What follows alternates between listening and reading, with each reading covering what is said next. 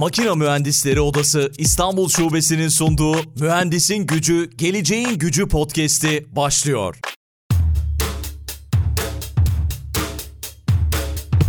Makine Mühendisleri Odası İstanbul Şubesi'nin sunduğu Mühendisin Gücü, Geleceğin Gücü podcast'ine hepiniz bir kez daha hoş geldiniz. Mühendisin Gücü, Geleceğin Gücü podcast'i, Türkiye'den ve dünyadan başarılara imza atan mühendislerin hikayelerinin anlatıldığı, onların gözünden geleceğin gücünü oluşturmada mühendisin gücünün ne kadar önemli olduğunu aktaran bir podcast serisidir. Mühendislik mesleğine yön veren en güçlü meslek örgütlerinden biri olma vizyonuyla 67 yıllık tecrübesini birleştiren Makine Mühendisleri Odası İstanbul Şubesi 30 bini aşkın etkin üyesiyle çözümler üreten bir oda konumundadır. Mesleki hakları savunan ve meslek değerlerini koruyan birimleri, sertifikasyon ve yetkilendirme kursları, mesleki gelişimi odağına almış yönetimiyle sürekli olarak meslektaşlarının yanında ve bu sorumluluğun bilincinde olan onların her alanda etkin bir sesi olarak görev yapan güçlü bir meslek örgütüdür. İşte bu podcast'te ben Aykut Balcı moderatörlüğünde hepimizin çok sevdiği bir meslek olan mühendisliği konuşacağız. Hazırsanız Mühendisin Gücü, Geleceğin Gücü podcast'i başlıyor. Bu bölümde İsveç'e gideceğiz. Ürün geliştirme mühendisi olarak Volvo'da çalışan Kübra Topçu şu anda karşımda. Kübra merhaba, hoş geldin. Nasılsın? Hoş bulduk. İyiyim, çok teşekkür ederim. Sen nasılsın? Ben de iyiyim. Çok teşekkür ederim davetimizi kabul ettiğin için. Gerçekten Makine Mühendisleri Odası İstanbul Şubesi farklı bir proje imza atıyor ve bu projede senin de yer almanı istedik. Çünkü özellikle YouTube'dan yaptığın yayınları yakından takip ediyoruz ve sonrasında da LinkedIn üzerinden baktığımda kariyerine gerçekten de muhteşem bir kariyer ve şu anda da Avrupa'da kariyerini sürdürüyorsun. Biraz seni tanıyabilir miyiz? Kendini bize anlatabilir misin? Tabii. Ben Kübra Topçu, 30 yaşındayım, Ankaralıyım. Hayatımın 25 senesini Ankara'da geçirdim. Daha sonra istediğim işi Ankara'da bulamadığım için İstanbul'a taşındım. Ama öncesinde ODTÜ Makine'den mezun oldum. 2014 yılında. Bir süre Türkiye'de çalıştıktan sonra da iş için İsveç'e geldim. 3,5 senedir senin de söylediğin gibi Volvo'da burada çalışıyorum. Öyle. Yine soğuk bir yere gittim diyorsun. İklim olarak. Bayağı soğuk oldu. evet. Peki yani başkentten İstanbul'a geçiş oldu. İstanbul'dan yurt dışı hikayen nasıl başladı? Yani daha doğrusu Volvo ile tanışma hikayen nasıl oldu? Şöyle esasında insanların şimdi de çok görüyorum yurt dışına taşınmak gibi bir maksatları oluyor. Benim böyle bir amacım yoktu en başında. Fakat beni LinkedIn'den bir headhunter buldu. Kelle avcısı diyorlar. İşte e, Hollanda'daki bir şirket için görüşme ayarlamak istedi. Bu görüşmelerde sonra benim istediğim gibi gitmedi. Ayarlanması gereken zamanda ayarlanamadı, müdür tatile çıktı derken ben buna üzüldüğümü fark ettim. Çünkü heveslenmiştim. Sonra dedim ki yani ben böyle bir şey istiyorum herhalde. Ve o günden sonra biraz da tabii 2016 referandumuna da denk geldi. Hı hı. Onun da etkisi oldu üzerimde. Oradan sonra da iş arayışımı hızlandırdım yurt dışındaki. Birçok yere başvurdum aslında. Yine otomotivde çalışmak istedim. Orayla ilgili bir zaten sorunum yoktu. Almanya'ya başvurdum, Hollanda'ya başvurdum derken İsveç oldu benim için. Ben de buraya gelmiş oldum. Bu arada Volvo Bus'ta çalışıyorsun. Onu da belirtelim. Girişte evet. bahsetmedik onu. Otonom otobüsler ve elektrikli otobüsler konusunda da podcast'in ilerleyen kısmında tekrar o konularda da soracaklarım olacak sana. O konuda da bizi bilgilendirirsen sevinirim. Peki İsveç'te aradığını bulabildin mi? Çalışma koşulları nasıl? Onun hakkında biraz bize neler anlatırsın? Ya da şöyle sorayım. Hem Türkiye, iki soru sormuş olayım. Hem Türkiye hem İsveç'te deneyimi olan bir mühendis olarak neler en çok seni şaşırttı? Neler etkiledi? Benim aslında Türkiye'deki tecrübem iki buçuk sene, üç seneyi bulmadı. Hani ne kadar uzun tartışılabilir. Burada da burada daha uzun süredir çalışıyorum ama beni şaşırtan şeyler çok var esasında. Özellikle burada özel hayata bir saygı söz konusu ve işle özel hayat arasında müthiş bir denge var. Bunu kurmaya çalışıyor İsveçliler. Örneğin hafta sonu WhatsApp'tan mesaj almak bile tartışılan bir konu. Bana mesaj atmayın diye tartışılıyor özellikle pandemiden sonra. Onun dışında insanlar tükenmişlik sendromu izni almaya izni alabiliyorlar. 6 aya kadar izne çıkabiliyorsunuz. Burnout diyorlar buna. Buna o çok ilginç. şaşırmıştım. Nasıl evet, yani? Ben böyle de şaşırdım bir şey, şu anda. böyle bir şey konuşabiliyor muyuz? Kendi psikolojimizden bahsedebiliyor muyuz? Çünkü bunu normalde söylesen işten atılırsın gibi geliyordu bana. Ama insanlar hani iyi bir iş yerinde iyi koşullarda çalışırken yok artık ben yapamıyorum deyip 6 ay kayba karışabiliyor. Bana çok ilginç gelmişti. Onun dışında tabii ki müthiş bir bireysellik söz konusu. Yani özellikle izin alacaksanız mesela tamam senin izne ihtiyacın varsa vardır. Açıklamana gerek yok bana gibi bak var. Bir de bu hastalık ve çocuk hastalığı izni diye bir şeyleri var. İki hafta mesela doktordan rapor almanıza gerek yok. Çocuğunuz hastaysa da aynı şekilde. Çocuğum hasta deyip gelmiyorsunuz işe. Şimdi ben buna çok saygı duyuyorum. Çünkü müthiş bir güven kültürü oluşmuş durumdalar. Biz bunu duyduğumuzda genelde şey diyoruz. Yani suistimal eden olmuyor mu? Böyle düşünüyoruz direkt. Hı hı. Ama karşılıklı bir güven olduğu için bunu yapanları da göz ardı ediyorlar herhalde. O yüzden şaşırdığım şeyler çok oldu. Burada açıkçası şunu söyleyebilirim. Benim bazı günler göçmenlerde çok vardır. Döneceğim ben diye ara ara gelir. Bana da oldu ama buradaki çalışma koşulları beni burada tutan en önemli etken. Biliyorsun Almanya'ya gelen, gurbete çalışmaya gelen herkes bir ev, bir araba alırız diye gelmiş. 60 küsür yıldır buradayız. Yani buradayız derken Almanya'da Almanya'dayız. Bu arada ben Almanya'dayım şu anda o yüzden buradayız diyorum. Ve şöyle bir şey anlatmak istiyorum. Hani bu taraf Almanya tarafından da bir örnek vermek istiyorum. Yıllık izinde çıkmıştı eşim. Yıllık izne çıktığında izindeyken hastalandı. 2-3 gün böyle nezle grip gibi bir şey oldu. O sırada bir şekilde onun yöneticisi gördü mü telefon mu açtı ne? Şey Aynı dedi. değil mi izinden? Evet onu Hastalık izni ya, sayıyorlar. Rapor alıp tekrar onu izinden düşebilirsin gibi bir şey dediler. Ben şok şoke oldum yani. Nasıl olur böyle bir şey? Zaten izinde ve hayır hayır dediler. O hastalık ayrı bir olay. Onu tekrar sen rapor alıp onun şeyden düşebilirsin izinden. Tekrar izni uzatabilirsin gibi bir şey dediler. Bana enteresan geldi gerçekten. Benzer şeyler tabii ki İsveç'te de var anladığım kadarıyla. Yani saymakla bitmez aslında çok fazla şey var. Örneğin doğum izni bizim ülkemizde erkeğe verilen 5 gün izin var ve cumaya denk geldiyse sanırım doğum. Umarım yanlış bir şey söylemiyorumdur. Hafta Hı-hı. sonu da bu 5 gün içinde sayılıyor. Yani pazartesiden çarşambaya izniniz oluyor sanıyorum. Burada 18 ay ve bunu kadın erkek eşit bir şekilde paylaşıyorsunuz. Bunu eşit paylaştığınız sürece de teşvik alıyorsunuz. Yani gerçekten çok fazla şey var. Saymakla bitmez. Hı hı. Yani tabii burada şey bizim amacımız kesinlikle ülkemizi kötülemek değil keşke aynı koşullar orada da olsa, Türkiye'de evet. de olsa demek. Yani podcast'i dinleyenler sakın yanlış anlamasın. Sadece bizimkisi şey şu anda sen İsveç'tesin ben Almanya'dayım ve hani Türkiye'de de keşke olsa bunlar. Yani bunları herkes yaşasa. Neyse belki zaman zaman bunları da görme şansını yakalayacağız öyle tahmin ediyorum. Bundan bahsetmek bence şöyle önemli. İnsanlar farklı bir çalışma koşullarına erişilebilecek, erişebileceklerinin bunu bir ütopya olmadığının farkına varmaları için bence önemli bunları söylemek. O yüzden ben de söylemek istedim. Yoksa ülkeme bir düşmanlığım yok tabii ki. Harika. Çok iyi yaptın gerçekten. Bunlar önemli çünkü şaşırtan şeyler hepimizi ve örnek almamız gereken de şeyler. Peki şey mühendislik eğitimi üzerine neler söylemek istersin? Yani orada nasıl? Mühendise bakış açısı nasıl? Türkiye'de bu konuda neler yapılmalı? Böyle hani her iki tarafı gören biri olarak, bir mühendis olarak tespit ettiğin şeyler var mı? Bence bizim en önemli eksiğimiz yabancı dilimiz. Maalesef şimdi çok iyi okullardan mezun olan mühendislerde bile bir yabancı dil eksikliği ve İngilizce yetkin kullanamama sorunu oluyor. Bunun tabii ki pratik yapmakla da alakası var. Ekonomik durumlarıyla da İsveçlilerin yani %90'ı burada İngilizceyi çok akıcı bir şekilde konuşabiliyor. En önemli şey burada dediğim gibi yabancı dili etkin bir şekilde konuşabilmek. Eğer bu konuda geliştirebileceğiniz bir şey olduğunu düşünüyorsanız muhakkak eğilmenizi tavsiye ederim. Onun dışında benim gördüğüm en büyük fark da bizdeki rekabet tabii ki. Biliyorsun çok fazla genç nüfus var. Çok fazla insan üniversite eğitimi alıyor. O yüzden yetmiyor bir de master eğitimi alınıyor. O da yetmiyor başka bir şey. Üstüne sürekli bir şey inşa edip kendini kanıtlamaya çalışıyorsun ama burada öyle değil. İsteyen e, isteyen üniversite eğitimi alıyor, isteyen master'ını yapıyor. Bu nedenle de herhalde insanlar daha çok sevdiği şeylere yönelebiliyor. Benim gözlemim böyle. Hı hı.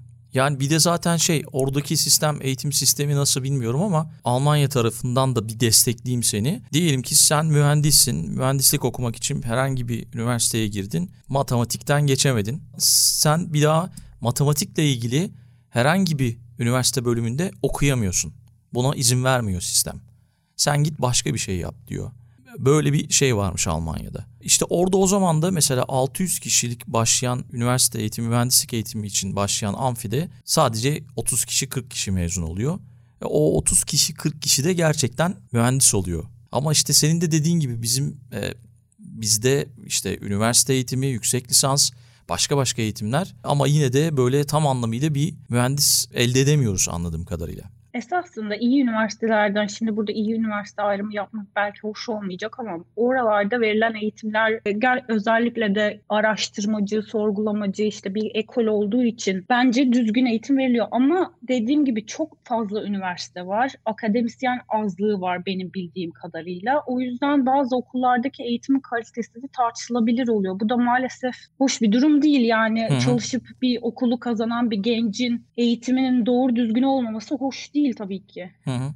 Peki kendini geliştirmek adına İsveç'te ne gibi imkanlar var? Sen neler yapıyorsun bu konuda? Eminim ki kendi şirketin de seni destekliyordur ama onun dışında sen nelerle karşılaşıyorsun? Benim tabii ki şu an burada en büyük eksikliğim aslında buradaki yerel dili konuşamıyor olmam. O yüzden de dil eğitimi alıyorum. Şirket bu konuda beni destekliyor. Bir özel grupta İsveççe dersi almama, bunun bu finansal olarak destek oluyorlar bana. Yardımcı da oluyorlar. Bir buçuk senedir yaklaşık böyle bir kursa gidiyorum. Bunu aşmaya çalışıyorum. Bir ikinci şey de yaptığım şu anda bir project management, proje yöneticiliği eğitimi almaya başladım. Bunu aslında Türkiye'den alıyorum. Pandeminin belki de tek yararı bu oldu oldu. Uzaktan eğitim alabiliyorsunuz şu anda neredeyse hmm. her yerden. Ben de e, böyle bir eğitim alıyorum şu anda. Bu ikisi önceliğim. Bu arada bir de YouTube'dan da videolarını izledim. Ondan, ondan da bahsedeyim. Böyle bir hem bir geçiş yapmış olalım, bir yumuşatmış olalım. Orada da çok güzel şeyler paylaşıyorsun YouTube kanalında da. O fikir nasıl ortaya çıktı? YouTube'dan bir şeyler paylaşmak. Gerçi ilk bölümde anlatıyorsun galiba onu. Yani şöyle aslında göçen çoğu insanın galiba yüzde otuzunun falan bir YouTube kanalı var. O yüzden çok evet. özel olduğumu düşünmüyorum ama Doğru. şöyle oldu. Ben kısa çalışma iznine çıkarıldım ve 6 haftayla 10 hafta arası evde hiçbir şey yapmadan oturdum. Bir de üstelik buraya gelmenin şöyle bir dezavantajı oldu bende. Dediler ki biz işten bazı insanları çıkaracağız. Ben de tabii korkmaya başladım. Beni mi çıkaracaklar acaba? Çünkü işten çıkardıkları an oturma izniniz eğer çalışma iznine bağlıysa 3 ay içinde iş bulmanız lazım. Şimdi Şimdi pandemi gibi bir ortamda iş bulmak da kolay değil. Onun stresi Hı-hı. başladı. Ben de biraz kendimi oyalamak için böyle bir şeye girdim. İlgi çekeceğini de aslında çok düşünmemiştim. Daha kısıtlı bir kitleyle kalırım diye düşünmüştüm ama bazı videolar büyüdü gerçekten. Bazen vakit, vakit buldukça oraya da bir şeyler yüklemeye çalışıyorum. Benim için de e, güzel bir iletişim kaynağı oluyor. Çünkü yine yurt dışında çalışan birçok insanla ya da gelmek isteyen birçok insanla iletişim kurma şansını YouTube vesilesiyle elde ettim. Hı hı. Ve, ve zaten oradan da da eminim birçok kişiye destek olmuşsundur. Ki zaten destek olmasan bile anlattıklarınla insanlar çok yararlanıyorlar ve gelmeden bir bilgi sahibi olmuş oluyorlar. Eğer hani senin yaşadığın ülkeye geleceklerse. O yüzden tebrik ediyorum Teşekkür gerçekten. Ederim. Teşekkür ederim. Peki şu anda çalıştığın alanla ilgili e, gelişmeleri belki biraz bizimle paylaşabilirsin. Otonom otobüsler işte ve elektrikli otobüsler son dönem içerisinde oldukça yükselişe geçmiş durumda ve Volvo'da bildiğim kadarıyla dünya üzerinde bu işi yapan yani otonom otobüsler ve elektrikli otobüsler konusunda ilklerden biri. Şöyle bir baktım araştırdım Volvo ile ilgili. Dünya üzerinde birçok ülkeye ihracat yapıyor. Bu alanda yani mobilite konusunda ne gibi gelişmeler var? Neler bekliyor bizi? Biraz bahsedebilir misin? Ben de esasında elektrikli otobüslerde çalışıyorum. Sadece işte yine bu ulaşım sektörünün fazlasıyla etkilenmesi bu sene bizi de vurdu oldukça. Birçok projemiz vardı. Yani tekrar düşünmek zorunda kaldığımız şeyler oldu. Çünkü yani hem şehir içinde hem şehirler arası özellikle şehirler arası yolculuklar çok etkilendi. Neredeyse kimse otobüse binmiyor gibi bir durum oldu.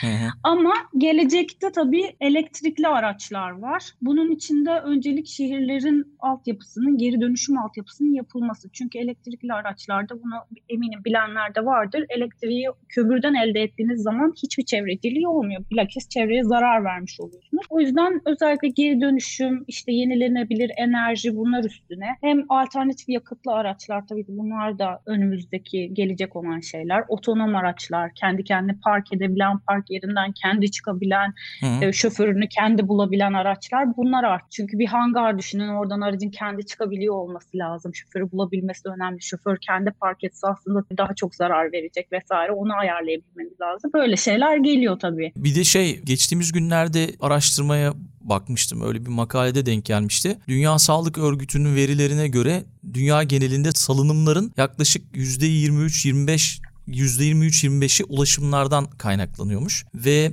işte bu hani Paris Anlaşması falan var ülkelerin hava kalitesini daha iyi arttırmak için Avrupa'da özellikle anladığım kadarıyla önümüzdeki yıllar içerisinde otobüslerin yani toplu taşımaların tamamı bu yönde bir karar alacak. Elektrikli otobüsler çok fazla karşımıza çıkacak anladığım kadarıyla. İşte dizel, dizelin ortadan kalkması gündemde. Bu konuda sürdürülebilirlik konusunda neler yapıyor yapıyorsunuz? Şimdi burada mesela en önemli sorunlardan biri bataryanın nasıl tekrar kullanıldığı, geri dönüşümü. Çünkü batarya da esasında kendi başına çevreyi kirleten bir şey ve belirli de bir ömrü var. İşte 4-5 tane batarya ya da kaç tane isterseniz bir araca takıyorsunuz. Bilmem kaç sene sonra gidip yenisini almanız gerekiyor. O bataryaları da belirli şirketler satın alıyor aslında. İşte yine geri dönüşüm şirketleri böyle bir devir daim söz konusu şu anda. Hı. Ama eminim daha çok da çözüm bulunacaktır bu sektör geliştikçe. Elektrikli otobüsler yaygınlaşacak bundan eminiz ama henüz beklenen seviyeye ulaşmadı değil mi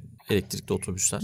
Yani bu bir yatırım aslında. Bunlar ucuz şeyler de değiller. O yüzden şehirlerin böyle bir yatırım kararı alması lazım. Birçok şehir aslında istiyor ama bu baktığımız şehirler de aslında işte Amerika'da olsun, Avrupa'da olsun, Çin'de olsun çoğu esasında refah seviyesi yüksek yerler. Yani böyle bir kararı verebilen, ben artık elektrikli otobüs istiyorum diyebilen yerler. Peki şey şeye inanıyor musun? Yani burada mesela çok fazla işte scooter kullanılıyor, elektrikli bisiklet bisiklet kullanılıyor. Şahsi araçlarımızdan kiraladığımız bisikletlere kadar bir gün bütün ulaşım sistemleri kademeli olarak elektrikli olacaktır diye bir öngörüm var mı? Yani bu aslında ülkeye ve ülkenin uyguladığı politikalara bağlı. Örneğin Norveç'te çok yaygın bir elektrikli araç kullanımı var ama bunun için gerçekten vergilerle insanları teşvik ediyorlar. Vergi oranlarını çok düşük tutarak işte park yerlerine elektrikli araçlar için bedava yaparak bir sürü teşvik alanı var. O yüzden ben burada devletlere de çok iş düştüğünü düşünüyorum. Bu araçlar teşvik edilirse, argesine daha çok yatırım yapılırsa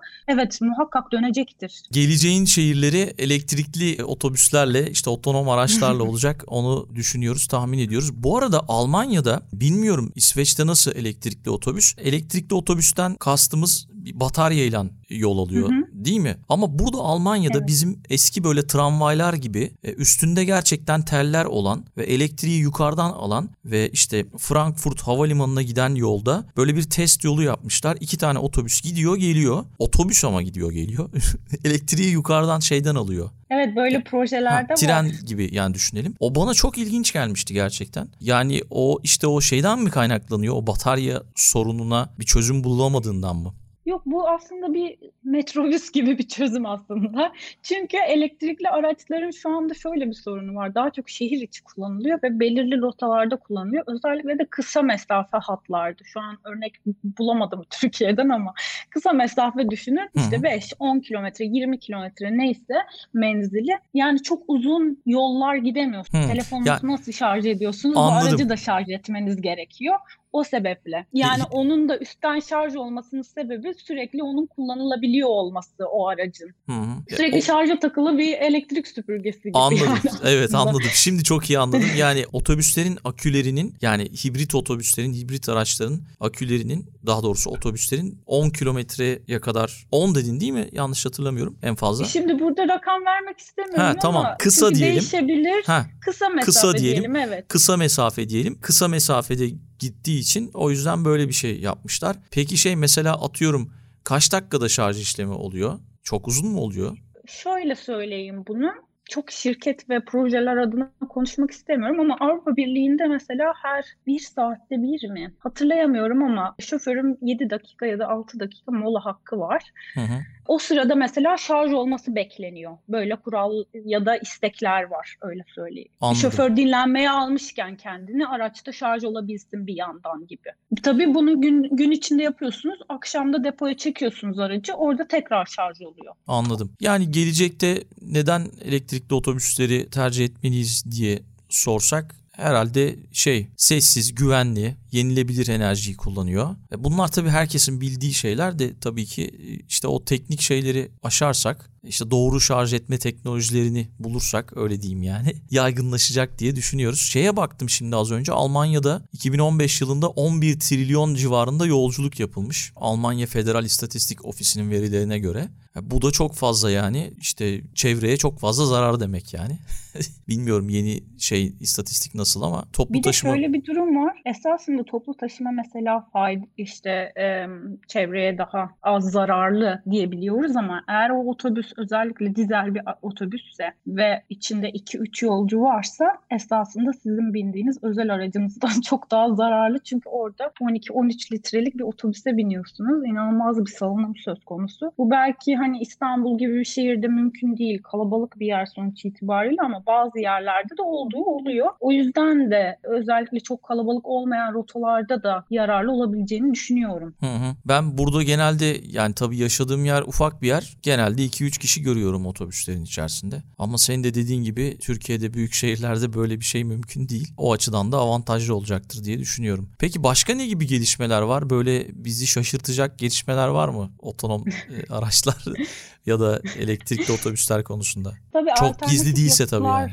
Alternatif yakıtlar konuşuluyor. Ben şu anda şirket adına konuşmuyorum ama genel pazarın gittiği yer alternatif yakıtlar, otonom araçlar ve elektrikli araçlar. Şu an öncelik ve e, trend bu yönde öyle söyleyeyim. Peki Kübra Makine Mühendisleri Odası İstanbul Şubesi adına yapıyoruz bu podcast'i ve onlar sunuyor bu podcast'i. Onlar destekçisi. Makine Mühendisleri Odası İstanbul Şubesi hakkında neler söylemek istersin? Ya da daha genel bir soru soracak olursam odalar ve sivil toplum kuruluşlarının etkisi nasıl? Orada nasıl? Türkiye'de nasıl? O gözlemlerini de anlatırsan çok sevinirim. Tabii benim esasında İstanbul'dayken böyle bir üyeliğim yoktu ama sizin vasıtanızla ben de hem odayla hem de oda başkanı İbrahim Tataroğlu ile konuşma fırsatı buldum. Ve bu yaptıkları yayın, bana anlattığı şeyleri çok faydalı buluyorum. Özellikle kıdemli ve tecrübeli mühendislerin gönüllülük ve dayanışma esasına dayanarak yeni mühendislere böyle bir aktarım yapabiliyor olması, işte Zoom'dan yaptıkları görüşmeler, eğitimler bunlar bana çok dokundu. o yüzden çok önemli buluyorum ama şöyle bir şey söyleyebilirim. Bizim ülkemizde maalesef bir odaya üye olmak yani herkesin çok istediği yap ve yap, yaptığı bir şey değil. Çünkü biraz da korku oluyor herhalde. Hı-hı. Bu esasında bizim sadece makine mühendisliği özelinde değil. Bugün baktığımızda mimarlar odası, tabipler birliği bunların hepsi sanki bunlara üye olmak kötü bir şeymiş gibi geliyor. Ama esasında öyle değil. Birlikte olmak, dayanışma bunlar çok önemli şeyler. O yüzden bizim de desteklememizin önemli olduğunu düşünüyorum. Ee, İsveç'le ilgili de ben burada bir odaya üye değilim ama sendikaya üyeyim. Burada esasında en büyük katkısı bana sendikanın maaş görüşmelerinde ben esasında e, maaş görüşmelerinde bir yardıma ihtiyaç duydum ve sendika bana çok yardımcı oldu. Şöyle oluyor, sendikaya siz isteklerinizi ve işte yanlış bulduğunuz şeyleri söylüyorsunuz. Onlar da size bir yardımcı gösteriyorlar. Onunla konuşuyorsunuz. Maaş görüşmelerinize o yardımcı gelebiliyor. Sendika sizin adınıza sorular soruyor. Böyle şeylerde çok etkisi var. Bizim Türkiye'de ben bunu şu an makine mühendisliği odası kapsamında söylemiyorum. Çünkü onlar bir sendika değiller ama sendika sendika eksikliği olduğunu düşünüyorum. Çünkü bugün baktığımızda 2000 liraya çalışan bir ma- makine mühendisi de var ve hakkını koruyan kimse yok neredeyse. Hı hı. O yüzden böyle bir hak arayacak bizim mühendisler adına bir şeye ihtiyaç olduğunu düşünüyorum. Anladım. Yani sendikalaşma tabii ki şeyde yurt dışında daha aktif diyelim senin gözlemine göre. Ama Türkiye'de maalesef böyle değil. Ee, işte biz de bu yüzden bu podcast yayını yapıyoruz aslında. Bir nevi mühendislik gerçekten güçlü bir meslek. Mühendisin gücü geleceğin gücü dedik o yüzden de podcast'in adına. Peki şey e, Türkiye'ye dair özlediğin bir şeyler var mı? Çok uzun tabii bir zaman olmamış ama neler yani var tabii mesela? Tabii ki herkesin sen de biliyorsundur Almanya'dasın. Herkesin en büyük özlemi ailesi ve arkadaşları. Bir de yemekler tabii ki. Aynen. Ama onun dışında bir diğer eksikliğini hissettiğim şey samimiyet. Buralarda onu bulmak bulmak çok zor oluyor. Onun dışında bizim bence çok güzel bir dayanışma kültürümüz de var. Kimseyi yardıma ihtiyacı olduğunu düşündüğümüz kimseyi açıkta bırakmayan bir kültürümüz olduğunu düşünüyorum. Burada hmm. bunları bulmak biraz zor. Aynen. Biraz Son... daha ki, kibar yani İskandinav halkı kibar ama samimi de samimiyetten uzak öyle söyleyeyim. Mesafeli insanlar ama çok kibarlar. O konuda hiç haklarını yiyemem. Ama bizim halkımızda oldukça samimi. Onu çok özlüyorum. Doğru. Yani şimdi bir, bir buçuk buçuk yıldır da doğru düzgün e, Türkiye'ye gidemeyince eminim seninki de sen de onları yaşamışsındır. Pandemiden dolayı gidemeyince daha fazla bir özlem duyuyor insan açıkçası. Evet. Ve şöyle ben kendi adıma söyleyeyim yemekleri özlüyorum açıkçası. İşte Ama o orada biraz daha fazla seçenek vardı diye. Burada daha çok seçenek var. Doğru, haklısın. Her şeyi bulabiliyorsun. Ve aynı zamanda şey aslında samimiyet noktasında da burada çok da fazla yabancı da var. Yani Evet. sokakta bile bir Türk'le karşılaşma şansın oluyor Almanya tarafında. O konuda da bir sıkıntı yaşamıyoruz. E, ama dediğin şeylere genel itibariyle ben de katılıyorum yani. Bizim insanımız daha sıcak, daha samimi, daha yardımsever. Aile olarak da daha çok sahip çıkıyor dediğin gibi. Ve onları özlüyoruz evet. Ama ne yapalım hayat şartları diyoruz. Evet. Burada olmayı seçtik sonuç itibariyle yapacak bir şey yok. Doğru. Peki yavaş yavaş sona geldik. Ee, güzel de bir sohbet oldu. Gerçekten çok teşekkür ediyorum sana bir kez daha. Söylemek istediğin son sözler varsa onları alabiliriz. Ya da konuşmadığımızı düşündüğün bir şey varsa onları ekleyebilirsin. Ben çok teşekkür ederim beni çağırdığınız için hem sana Aykut hem de makine mühendisi İstanbul Makine Mühendisliği odasına. Bana böyle bir fırsat verdikleri için çok teşekkür ederim. Dediğim gibi bu podcast yayınında kendi yaptıkları eğitimleri de çok değerli buluyorum. Birbirimizle dayanışmayla birbirimize destek olmamız adına. Çok teşekkür ederim. Biz de sana çok teşekkür ediyoruz. Podcast'in açıklama kısmında senin iletişim bilgilerini yazacağım. Mutlaka güzel geri dönüşler olacaktır. Böyle genç bir yaşta orada bizi de temsil ediyorsun. Çok teşekkür ediyorum sana. Gerçekten biz de seninle gurur duyduk. E, duymaya da devam ediyoruz. Umarım güzel şeyler olur hepimiz için. Çok teşekkür ederim. O zaman son sözü sana bırakıyorum Kübra. Mühendisin gücü, geleceğin gücü.